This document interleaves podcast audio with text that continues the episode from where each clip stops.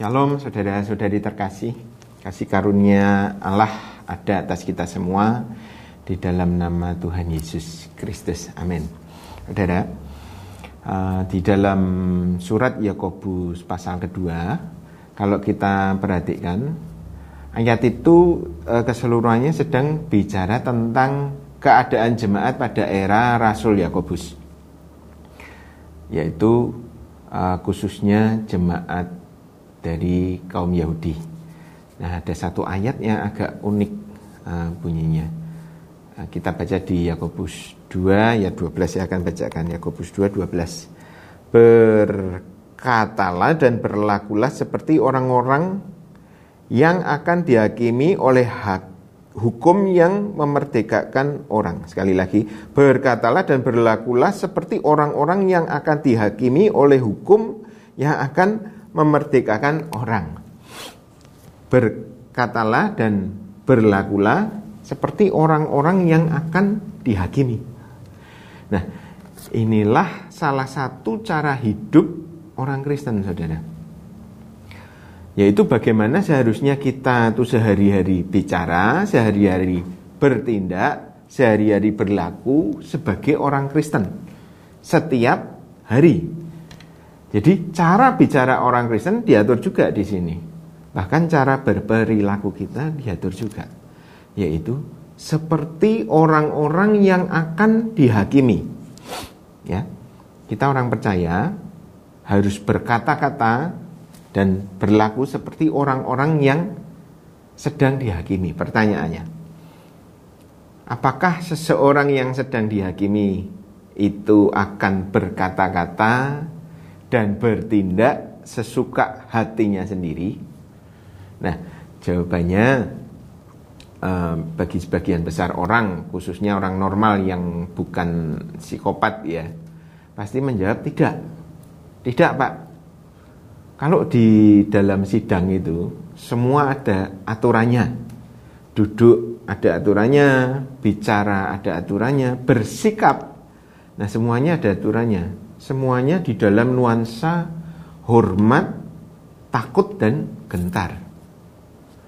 Karena semua yang akan dikatakan dan sikap yang akan ditunjukkan selama sidang itu akan menentukan putusan terhadap nasib orang yang dihakimi tersebut.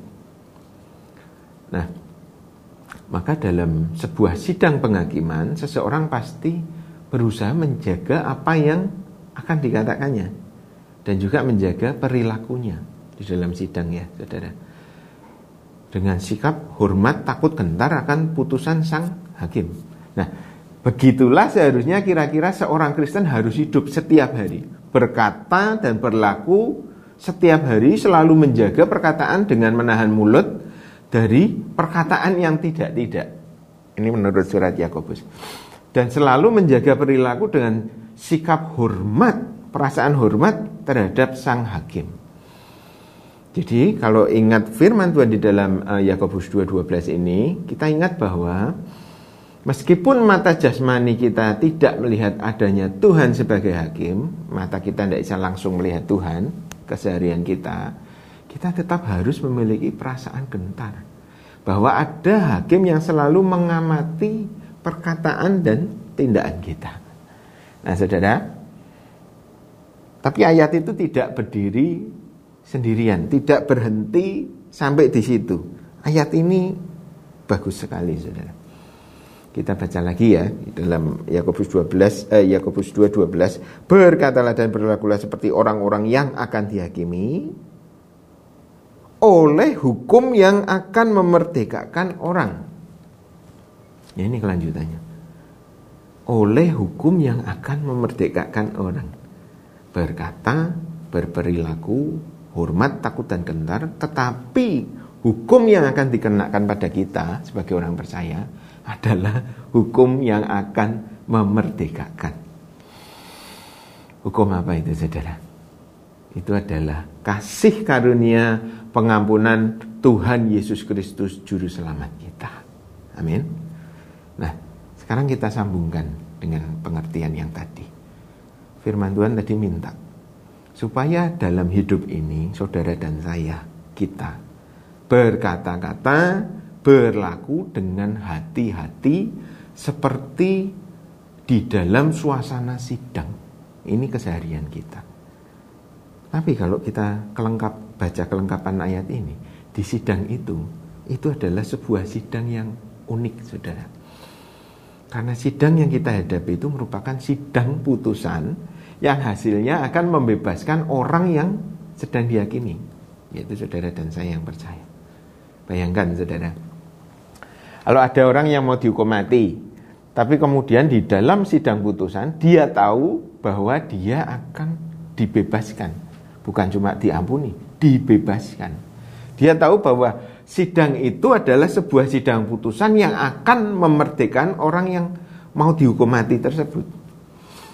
Nah sekarang sekarang kalau kita renungkan, kira-kira orang yang tadi itu yang harusnya dihukum mati, tapi kemudian malah dimerdekakan, kira-kira saudara, cara ngomongnya itu seperti apa? Kira-kira tingkah lakunya itu akan jadi seperti apa? Saya yakin saudara, karena hatinya itu meluap dengan sukacita, karena kemerdekaan yang dia telah terima, maka segala perkataannya akan penuh dengan ucapan syukur. Benar ya? Penuh dengan kata-kata berkat. Penuh dengan sukacita yang tidak terhingga.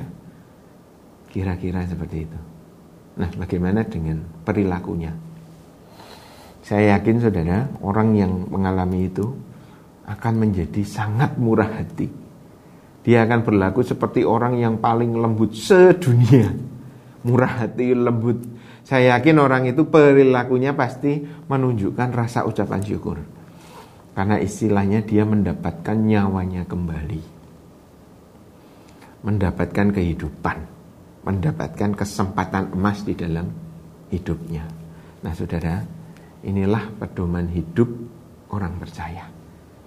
Bahwa seharusnya dan selayaknya kita semua menerima penderitaan akan hukuman kita atas segala perilaku buruk yang kita berbuat, tetapi oleh hukum yang memerdekakan, memerdekakan dikatakan di sini, kita diampuni. Dan oleh karena kita tahu bahwa kita sudah menerima pengampunan dan hidup yang kekal, maka cara kita bicara, cara kita berlaku, pasti mencerminkan rasa syukur kita dari hati yang paling dalam kepada Tuhan. Nah saudara, tapi yang sering jadi masalah buat kita di dalam keseharian kita adalah kita sering lupa. Kita sering lupa bahwa kita ini seharusnya menerima hukuman. Bahwa kita ini tidak layak menerima pengampunan. Kita sering lupakan itu.